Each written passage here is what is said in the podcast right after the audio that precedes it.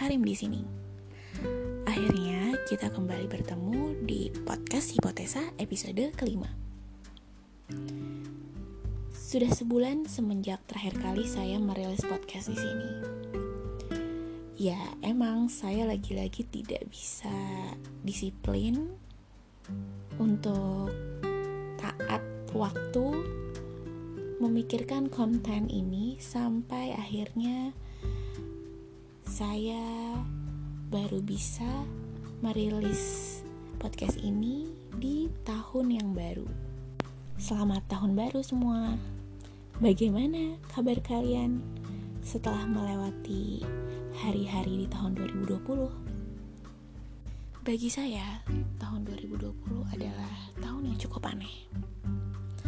Aneh karena hal-hal yang biasanya kita anggap lumrah terjadi di sekitar kita justru menjadi mewah ketika bisa terjadi di tahun 2020. Hal-hal mewah itu misalnya seperti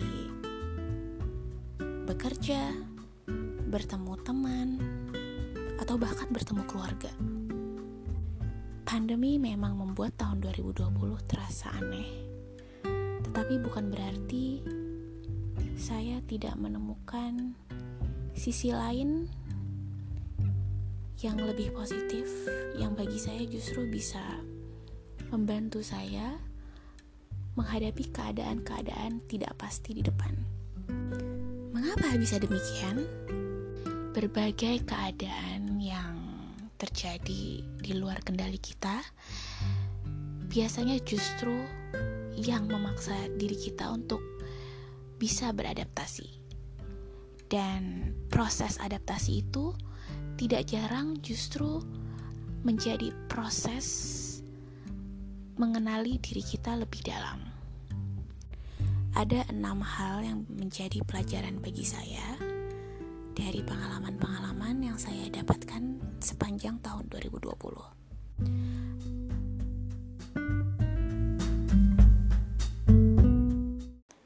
Keenam hal tadi menjadi landasan bagi saya untuk menjalani tahun 2021 agar bisa menjadi individu yang lebih baik dari sebelumnya. Hal pertama yang saya pelajari ialah self-care bukan berarti egois. Bagi saya, self-care adalah sebuah kebiasaan yang mana kebiasaan-kebiasaan tersebut menjadikan saya individu yang lebih sehat jasmani dan sehat secara rohani. Pandemi menyadarkan saya akan pentingnya kesehatan.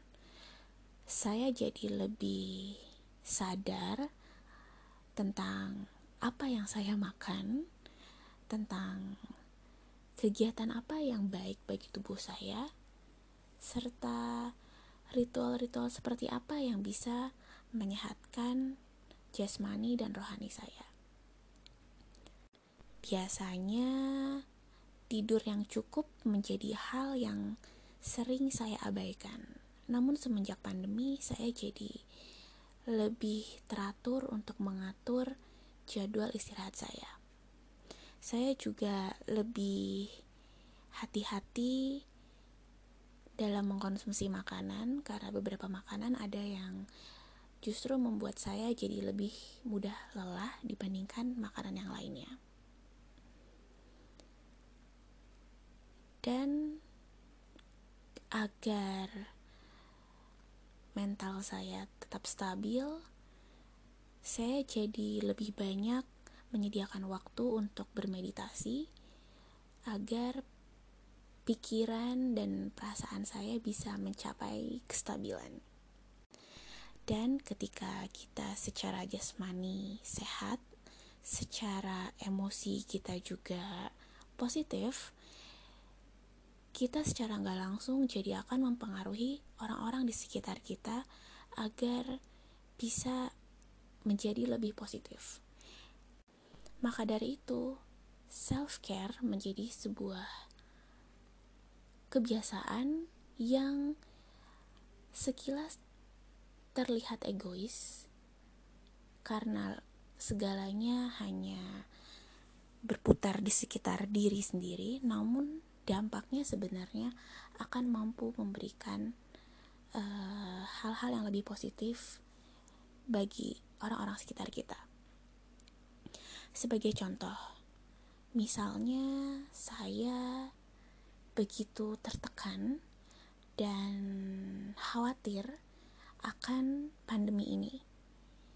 Kekhawatiran saya tersebut secara nggak langsung akan membuat orang-orang di sekitar saya jadi ikut panik dan kepanikan itu sama sekali tidak bisa memberikan solusi bagi keadaan yang kita hadapi saat itu.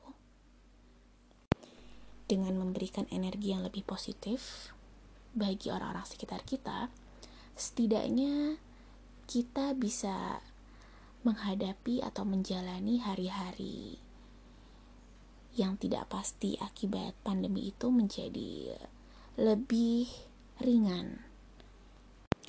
Yang kedua ialah perhatikan pikiran kita. Dengan adanya ketidakpastian yang bertubi-tubi kita hadapi, nggak jarang juga pikiran kita sering sekali berucap dan ucapan-ucapan yang keluar dari pikiran kita cenderung sifatnya negatif. Saya pernah membaca sebuah buku bahwa upaya menghadapi pikiran-pikiran yang negatif tersebut salah satunya ialah dengan memberikan nama pada pikiran-pikiran negatif tersebut saya biasanya menamai pikiran negatif saya itu sebagai kucing. Alasannya ya karena saya suka kucing dan saya ingin bersahabat dengan pikiran negatif saya.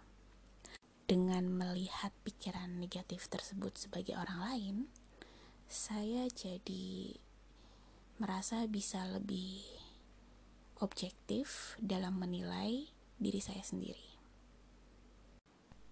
Hal ketiga ialah berterima kasih dengan pencapaian-pencapaian yang sudah didapat, meskipun pencapaian-pencapaian tersebut sangat kecil. Selama pandemi, saya yang biasanya jarang memasak, mau tidak mau jadi harus memasak setiap hari. Tidak peduli seenak atau setidak enak apa pun masakan saya, saya selalu berusaha mensyukuri dan berterima kasih atas upaya yang sudah saya lakukan agar saya bisa tetap sehat dengan asupan-asupan makanan yang saya buat sendiri. Yang keempat ialah menikmati proses. Kalau kita hanya berfokus pada pandemi atau berfokus pada ketakutan kita terhadap situasi pandemi yang tidak pasti ini, tentu akan membuat diri kita menjadi tertekan. Namun, jika kita melihat kondisi ini sebagai proses kita dalam menjalani kehidupan, ada banyak hal yang bisa dipetik kebaikannya bagi diri kita sendiri. Seperti yang sebelumnya saya tadi sudah sebutkan, ketika pandemi tiba, saya jadi lebih sering memasak. Saya jadi punya waktu lebih banyak untuk memperhatikan diri saya sendiri saya juga jadi bisa memaknai pentingnya kehadiran teman dan keluarga dalam kehidupan.